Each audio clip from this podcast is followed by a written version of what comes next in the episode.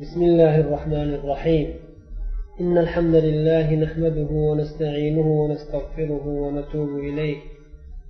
ونعوذ بالله من شرور أنفسنا وسيئات أعمالنا. من يهده الله فلا مضل له ومن يضلل فلا هادي له. وأشهد أن لا إله إلا الله وحده لا شريك له.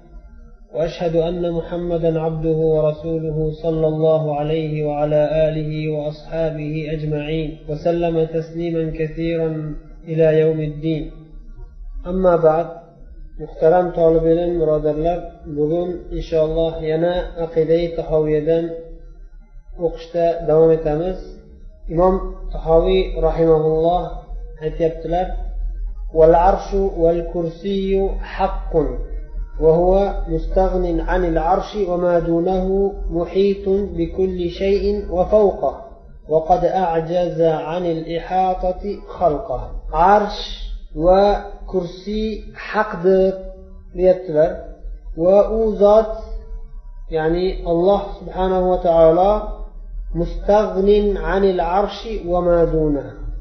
عرشتن هم عرشتن kichkina maxluqlardan ham behojat bo'lgan zotdir. Behojat bo'lgan zotdir. Muhitun bikulli shayin va fawqah va u zot alloh taolo muhitun ihota qilib turuvchi zot. Bikulli shay barcha narsalarni ihota qilib qamrab o'zining hukmi sultoni boshqaruvi ostida ihota qilib turadigan zot. Va favqahu va barcha narsalarni tepasidadir. Ya'ni alloh taolo barcha narsalarning tepasida. Va darhaqiqat u zot alloh taolo maxluqotlarini o'zini ihota qilishdan ojiz qoldirgandir. Ihota qilishdan ojiz qoldirgandir. Bugun mana shu o'qib o'tgan masalalarimizga izoh berish uchun beshta mavzu haqida batafsil to'xtalamiz. Birinchisi arsh va arsh ustiga alloh taoloning ko'tarilishligi haqida. Ikkinchi mavzu kursiy mavzusi. Alloh taoloning kursiysi. Uchinchi mavzu alloh taoloning oliy zot ekanligi. Butun koinotning tepasida bo'lgan zot ekanligi. Butun barcha maxluqotlarning tepasida bo'lgan zot ekanligi alloh taolo to'rtinchi mavzu butun koinotni alloh taolo o'zi ihota qilib turishligi. Beshinchi mavzu arsh ustiga ko'tarilishlik sifati bilan barcha koinotlarning tepasida bo'lishlik e, sifati orasidagi farqi birinchi mavzu arsh haqida bo'lib bu mavzu ham ikki qismga bo'linadi. Birinchisi arshning sifatlari haqida ozgina to'xtalamiz. Alloh taolo arsh haqida qur'oni karimda juda ham ko'p oyatlarda xabar bergan. Arshning ba'zi bir sifatlari ham sahih hadislarda batafsilroq kelgan. Qur'oni karimda kelgan oyatlardan alloh taolo qur'oni karimda arsh haqida xabar berib o'zi buyuk arsh robbisi ekanligi bilan alloh taolo maqtagan o'zini. Tavba surasining bir yuz yigirma to'qqizinchi oyatda alloh taolo aytadiki robbul arshil azim o'zini sifatlab va o'z arshini ham sifatlab aytadiki buyuk arshning robbisi ya'ni alloh taolo o'zi buyuk arshning parvardigori deb o'zi xabar berdi. Al azim arshni azim deb sifatladi. Yana bir boshqa oyatda karim deb sifatladi. Robbul arshil karim deb mo'minun surasining bir yuz o'n oltinchi oyatida xabar berdi. Karim bo'lgan arshning parvardigori. Karim degan kalimaning ma'nolari ham ulug'lik buyuklik xayru barakotlik degan ma'nolarga yaqin. Yana boshqa bir oyatda arshni majid deb sifatladi. Zul arshil majid. Buruj surasida alloh taolo aytyaptiki o'zi haqida majid bo'lgan arshning egasi dedi. Bu bir qiroatga binoan. Ya'ni qur'oni karimni bilasizlar bir necha qiroatlar bilan bizni dinimizda islom dinida qur'oni karim bir necha qiroatlar bilan sobit bo'lgan. Shu qiroatlardan birida zul arshil majid al majidi kasra bilan arshni sifati bo'ladi. Ya'ni buyuk arshning egasi alloh taolo. Majid degan kalimaning ma'nosi ham buyuklik yuksaklik ulug'lik degan ma'nolarda keladi. Majid bo'lgan arshning egasi parvardigori olloh yana bir qiroatda zamma bilan o'qiladi. Zul arshil majidu. Zamma bilan o'qilsa alloh taoloning o'zining ismi bo'ladi. Ismi va bu ism o'z ichiga olgan sifati. Buyuk va ulug' juda ham oliy va buyuk bo'lgan zot alloh taolo arsh egasi bo'lgan buyuk alloh taolo degan ma'noda bo'ladi. Ikkita qiroat bilan kelishligi bizga ikkita foydani ikkita ma'lumotni bildirdi. Ya'ni birinchisi al majid alloh taoloning ismi al majid alloh taoloning go'zal va buyuk ismlaridan biri ekanligini bildik. Ikkinchi qiroatga binoan arsh ham majid buyuk maxluq ekanligini bildik. Lekin o'tgan darslarimizda aytgandek albatta alloh taoloning ismu sifatlari o'ziga xos. Maxluqlarining ismu sifatlari o'ziga xos. Ya'ni bu yerda arshni majid deb sifatlashlik bilan alloh taologa o'xshash ismi bor ekan alloh taologa o'xshash sifati bor ekan deb hech kim aytolmaydi chunki bu arsh maxluq va ma'lum bir davrda bo'lmagan keyin yaratilgan va u arshning ulug'ligi buyukligi o'ziga xos. Boshqa maxluqotlarga nisbatan bo'lgan buyuklik boshqa maxluqotlarga nisbatan bo'lgan ulug'lik. Ammo lekin alloh taologa nisbatan hech qachon yaqinlasholmaydi hech qachon o'xshamaydi. Va xuddi shuningdek boshqa mushtarak lafzlar haqida ham shu ma'noni tushunishimiz kerak. Masalan alloh taolo o'zini ham alloh taolo o'zini rahim deb nomlagan va sifatlagan. Bismillahi rohmanir rohim rahmon va rahim bo'lgan zot alloh taolo nomi bilan boshlaymiz deb har bir ishimizda bismillohni aytib boshlaymiz. Qur'onning eng birinchi oyati ham bismillahi rohmanir rohim va xuddi shu rohim degan kalima shu lafz payg'ambarimiz sollallohu alayhi vasallamga ham alloh taolo o'zi qur'oni karimda shu kalima bilan payg'ambar sallallohu alayhi vasallamni nomladi. Rahim. Payg'ambarimizni alloh taolo sifatladiki mo'minlarga rahm shafqatli rahmli deb nomladi.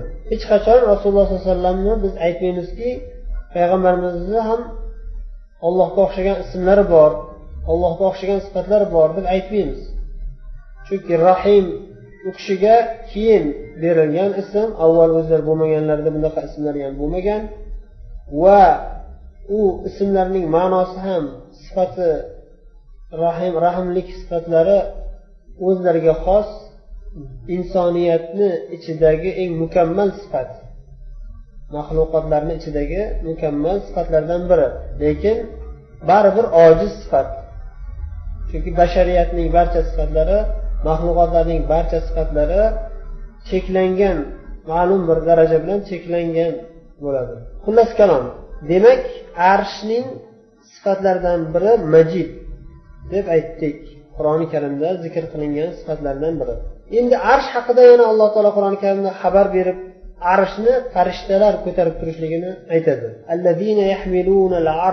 Arshni ko'tarib turadiganlar ya'ni ma'lum bir maqom. Ma'lum bir buyuk maqomga erishgan alloh taolo o'zi shunga xoslab qo'ygan buyuk malaykalar arshni ko'tarib turadigan malaykalar qiyomat kuni sakkizta bo'lishligini sakkizta malaika sakkizta farishta qiyomat kuni arshni ko'tarib turishliklarini ham xabar berib aytadiki haq surasini o'n ikkinchi oyatida. Sizni parvardigoringiz arshini ana shu kunda ya'ni qiyomat kunida sakkizta banda ko'tarib turadilar. Ya'ni sakkizta farishta ko'tarib turadilar. Bularni hamalatul arsh arshni ko'tarib turuvchilar deb aytiladi. Endi sahih hadislarda kelgan ba'zi bir sifatlari arshni rasululloh sollallohu alayhi vasallam sahih hadisda xabar berganlar arsh yetti qavat osmonning tepasida ekanligini arsh alloh taoloning arshi eng buyuk maxluqotlardan biri yetti qavat osmonning tepasida osmonlardan ham juda buyuk bo'lgan osmonlardan ham bir necha barobar katta bo'lgan buyuk allohning bir maxluqi. Va bu arshning ustunlari bor. Alloh taolo yaratgan eng buyuk maxluqotlardan biri bo'lmish arsh. Arshni bir necha usullari bor.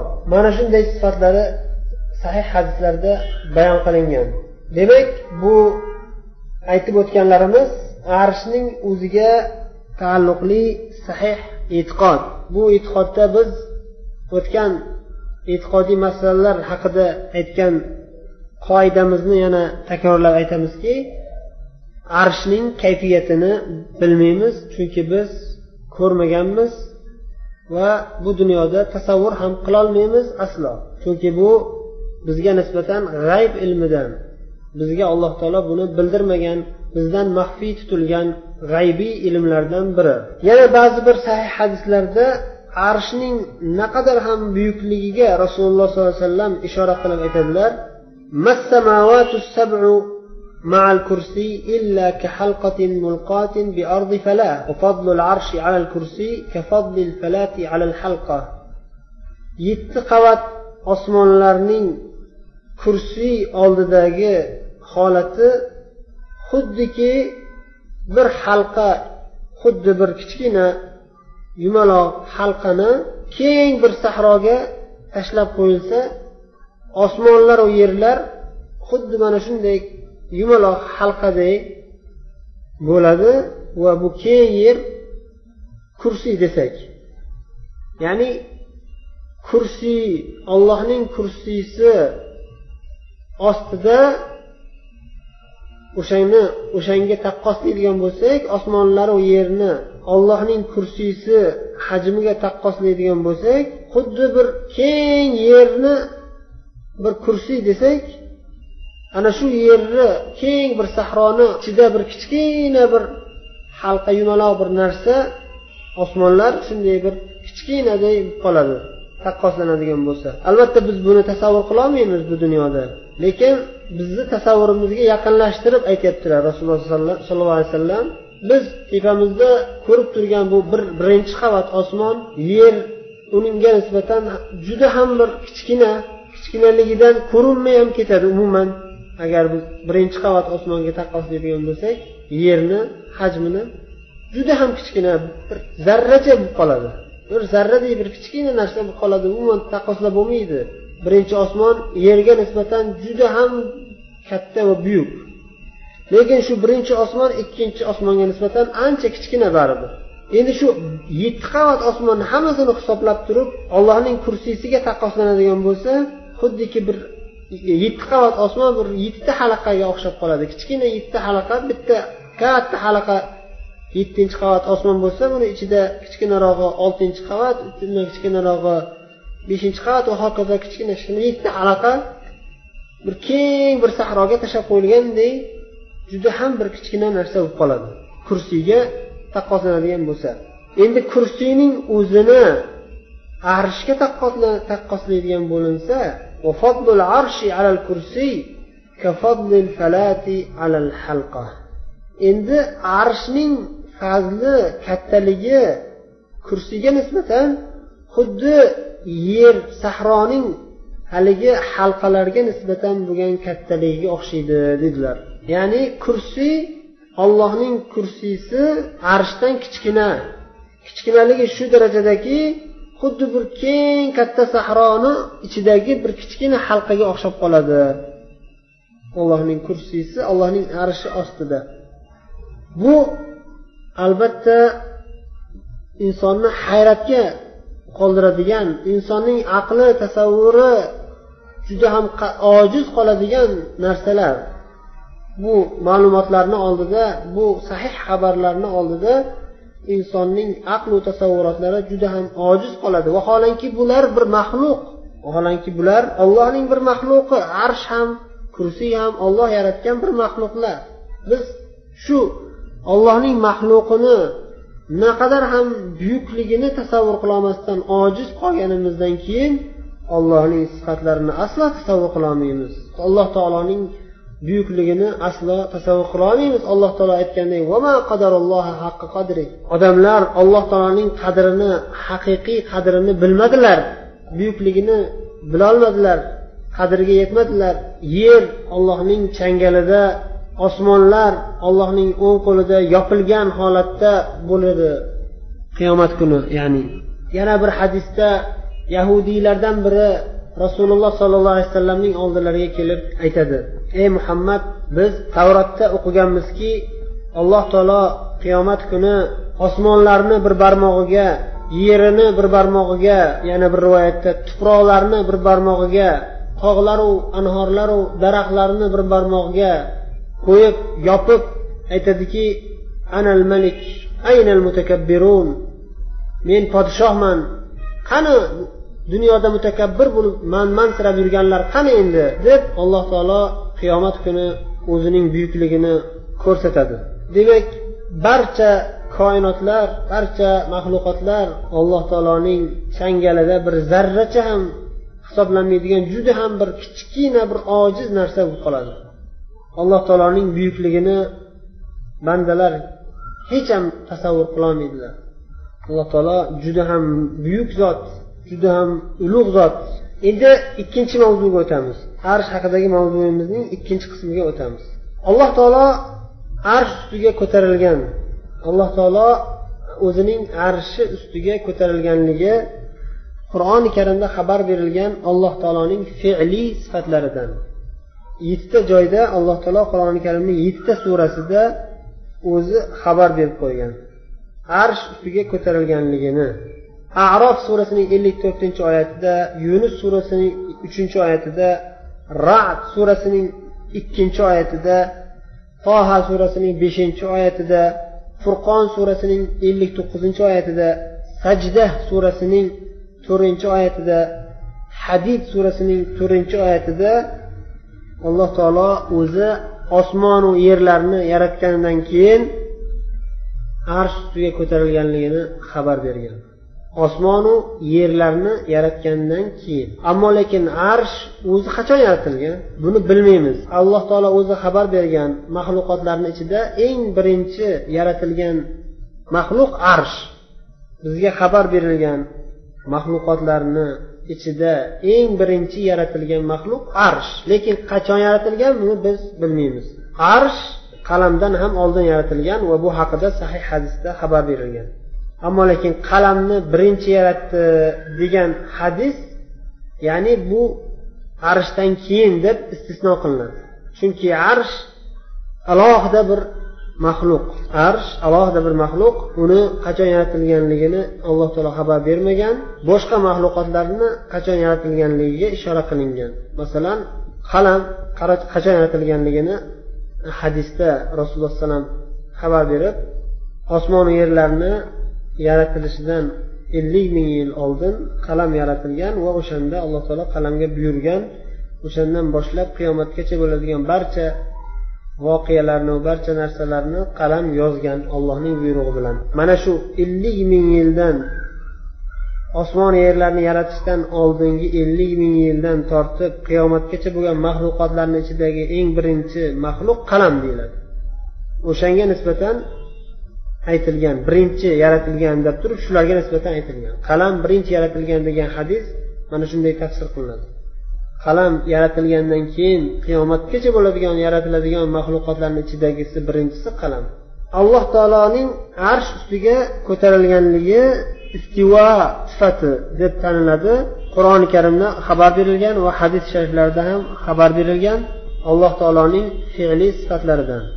Alloh taolo arsh ustiga ko'tarilganligi ahli sunna va jamoa e'tiqod qiladigan aqida masalalaridan biri bo'lib buning kayfiyatini biz tasavvur qilolmaymiz chunki qur'oni hadisda buning kayfiyati haqida xabar berilmagan shuning uchun ham salaf solihlar bu haqida so'ralganlarida qat'iy javob berib aytishganki الاستواء معلوم والكيف مجهول والإيمان به واجب والسؤال عنه بدعة استواء معلوم ya'ni lug'atan lug'aviy ma'nosi bizga ma'lum ko'tarilish alloh taolo arsh ustiga ko'tarilganligi والكيف مجهول كيف kayfiyati noma'lum bizga xabar berilmagan biz tasavvur qilolmaydigan narsa imanu bihi vojib unga iymon keltirish vojib farz chunki alloh taolo o'zi xabar bergan ollohning sifatlaridan fe'liy sifatlaridan va rasululloh sollallohu alayhi vasallam sahih hadislarda xabar bergan allohning fe'liy sifati anhu bid'a u haqida savol berishlik ya'ni kayfiyati qanday deb savol berishlik bid'at deb aytishgan salaf solihlarimiz ba'zi bir ahli bidatlar alloh taoloning arsh ustiga ko'tarildi degan oyatini tafsirini buzib talqin qilishga harakat qilishgan va shu sabab bir qancha odamlar ularga aldanib arsh masalasida xatoga ketgan xato zalolat e'tiqodiga ketgan ba'zilar arshni alohida bir maxluq emas bu butun koinotni podshohligi haqida bu alloh taolo istava alal arsh degani arsh ustiga ko'tarildi degani ko'tarildi emas egalladi degani. Butun koinotni mulkini egalladi degani. Degan ma'noda tafsir qilishgan bu botil bu zalolat. Chunki arsh haqidagi oyatlar va arsh haqidagi hadislar butunlay bunga zid qur'oni hadisga salaf solihlarning ijmolariga va hatto aqliy jihatdan ham aqlga ham zid keladigan talqin. Chunki qur'onda alloh taolo osmonu yerlarni yaratib keyin arshga ko'tarildi deyapti. Agar keyin arshni egalladi deyilsa ya'ni oldin ega emasmidi bu mulkka? U maxluqotlarni egasi emasmidi oldin? Keyin egasi bo'ldimi? Oldin ollohni egaligi qayerda edi degan botil ma'nolarga buriladi. Bitta botil ma'noni to'qib chiqargandan keyin ketaveradi. U yog'i botil ma'nolar qo'shilib alloh asrasin. Endi keyingi mavzuga o'tamiz. Kursiy haqidagi mavzu. Allohning kursiysi. Boya bu haqida bir hadisni eslamab o'tdik. Kursiy haqida qur'oni karimda alloh taolo oyatil kursiy deb tanilgan mashhur oyati karimada xabar bergan.